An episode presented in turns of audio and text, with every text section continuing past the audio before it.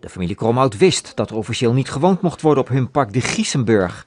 Maar aan iedereen die er voor oktober 2003 al woonde, is inmiddels een ontheffing afgegeven om te mogen blijven. De familie Kromhout tekent hun koopcontract in 2003 een paar dagen te laat. En moet nu uiterlijk 16 februari hun huis uit. Maar de gemeente die zegt, jammer, helaas, jullie zijn te laat. Dus jullie maken geen aanspraak meer eh, op een, een, eh, een vrijstelling. Op Park Beelderhof, even verderop, hetzelfde probleem. Ook hier mogen twee huisjes niet langer permanent bewoond worden.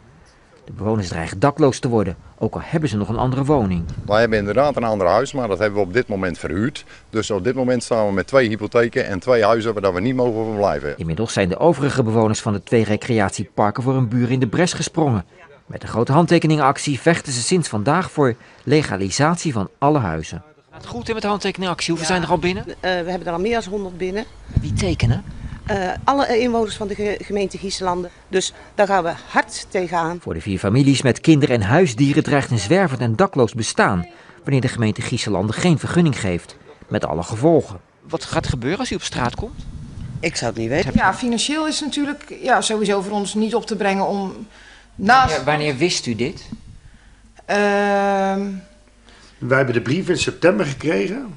We hebben de brief in september gekregen. in februari uit. Dat, dat, wij, dat wij een half jaar de tijd zouden krijgen om een, elders een, een, een hoofdverblijf te creëren. Misschien bij vrienden, misschien op de boot. Ik zou het niet weten.